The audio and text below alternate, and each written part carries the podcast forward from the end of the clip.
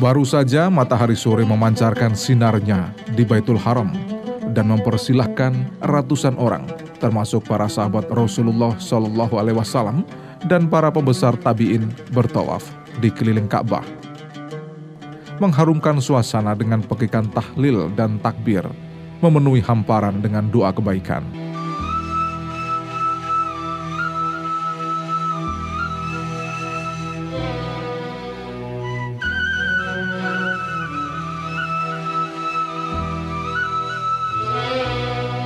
Di dekat rukun Yamani, duduklah empat pemuda berbaju bersih dan mengkilat.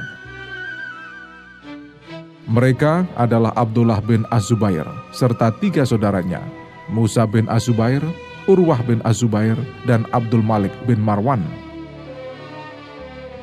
Terjadi perbincangan ringan di antara anak-anak muda itu.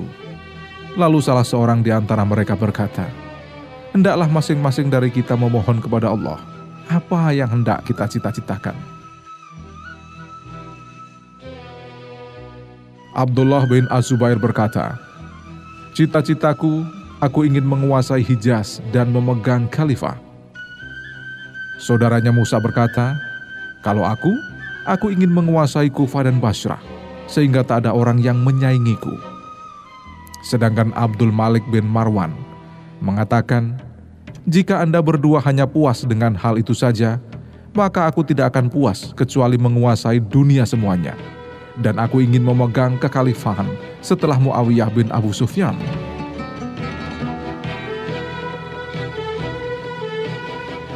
Sementara Urwah bin Az-Zubair terdiam dan dia tidak berbicara sepatah kata pun. Maka saudara-saudaranya menoleh ke arahnya dan berkata, Apa yang kamu cita-citakan Urwah?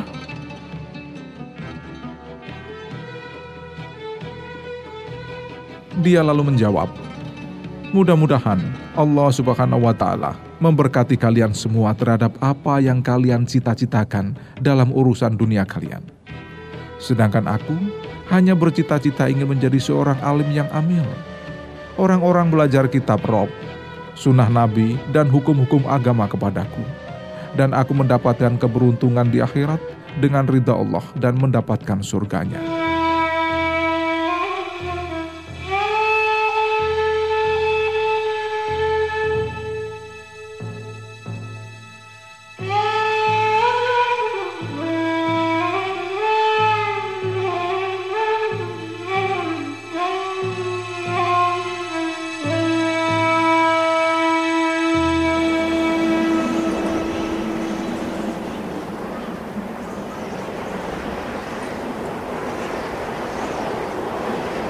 Waktu kemudian berjalan begitu cepat, meninggalkan minggu, bulan, hingga tahun.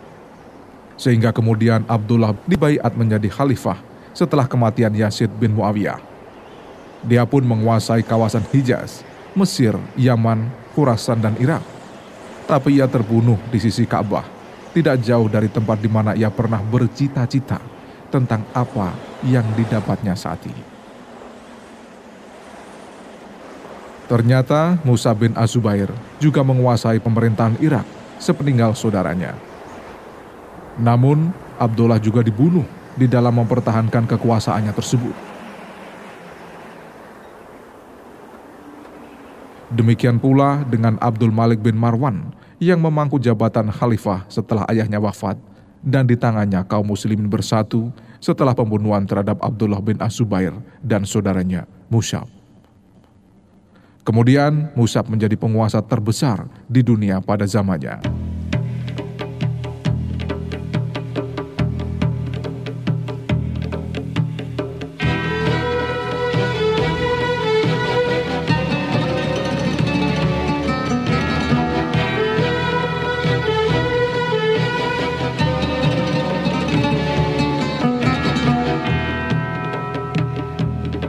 Lalu bagaimana dengan Urwah bin Azubair?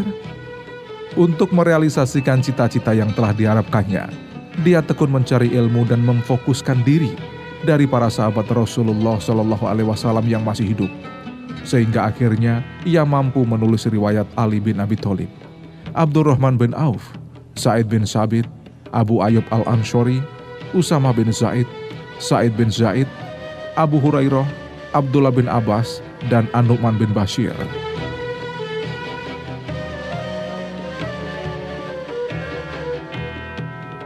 Urwah juga dikenal menjadi salah satu dari tujuh ahli fikih Madinah yang menjadi rujukan kaum muslimin dalam mempelajari agama. Urwah bin Azubair benar-benar mampu menyatukan ilmu dan amal. Ia tetap menjadi menara hidayah, petunjuk kebahagiaan dan penyuruh kebaikan bagi kaum muslimin sepanjang hidupnya. Dia sangat peduli terhadap pendidikan anak-anaknya dan anak-anak kaum muslimin lainnya dia tidak pernah membiarkan kesempatan berlalu tanpa digunakannya untuk memberikan penyuluhan dan nasihat kepada mereka. Beliau selalu mendorong anak-anaknya untuk menuntut ilmu. Urwah pernah berkata kepada mereka, "Wahai anakku, tuntutlah ilmu dan kerahkanlah segala kemampuan dengan semestinya. Karena jika kamu sekarang ini hanya sebagai orang kecil, mudah-mudahan saja berkat ilmu Allah Subhanahu wa Ta'ala akan menjadikan kamu orang besar dan bermartabat.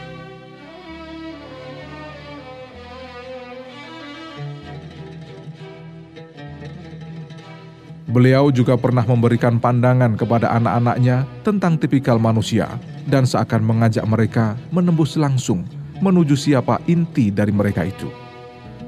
Katanya, "Wahai anakku, jika kamu melihat seseorang berbuat kebaikan yang amat menawan, maka harapkanlah kebaikan dengannya, meskipun di mata orang lain dia seorang jahat. Karena kebaikan itu memiliki banyak saudara.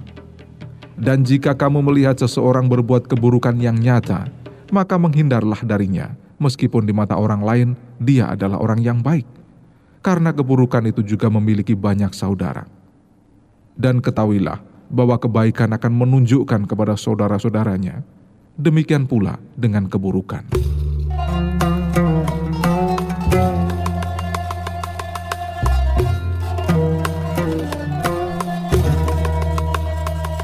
Dia juga berwasiat kepada anak-anaknya supaya berlaku lemah lembut, berbicara baik, dan bermuka ramah.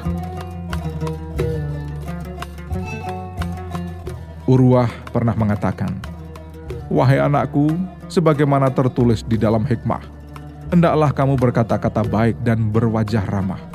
Niscaya, kamu akan lebih dicintai orang ketimbang cinta mereka kepada orang yang selalu memberikan mereka hadiah.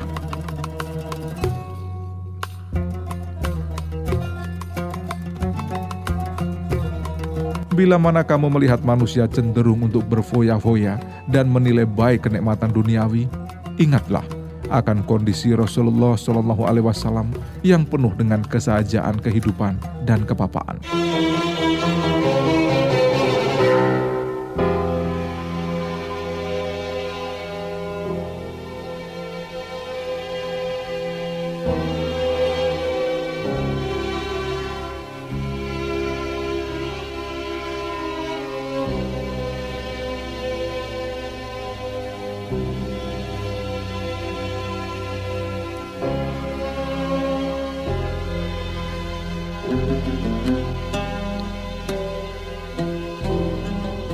Urwah bin Azubair hidup hingga mencapai usia 71 tahun, di mana hampir sepanjang hidupnya itu diisi dengan kebaikan, kebajikan, dan ketakwaan kepada Allah Subhanahu wa Ta'ala.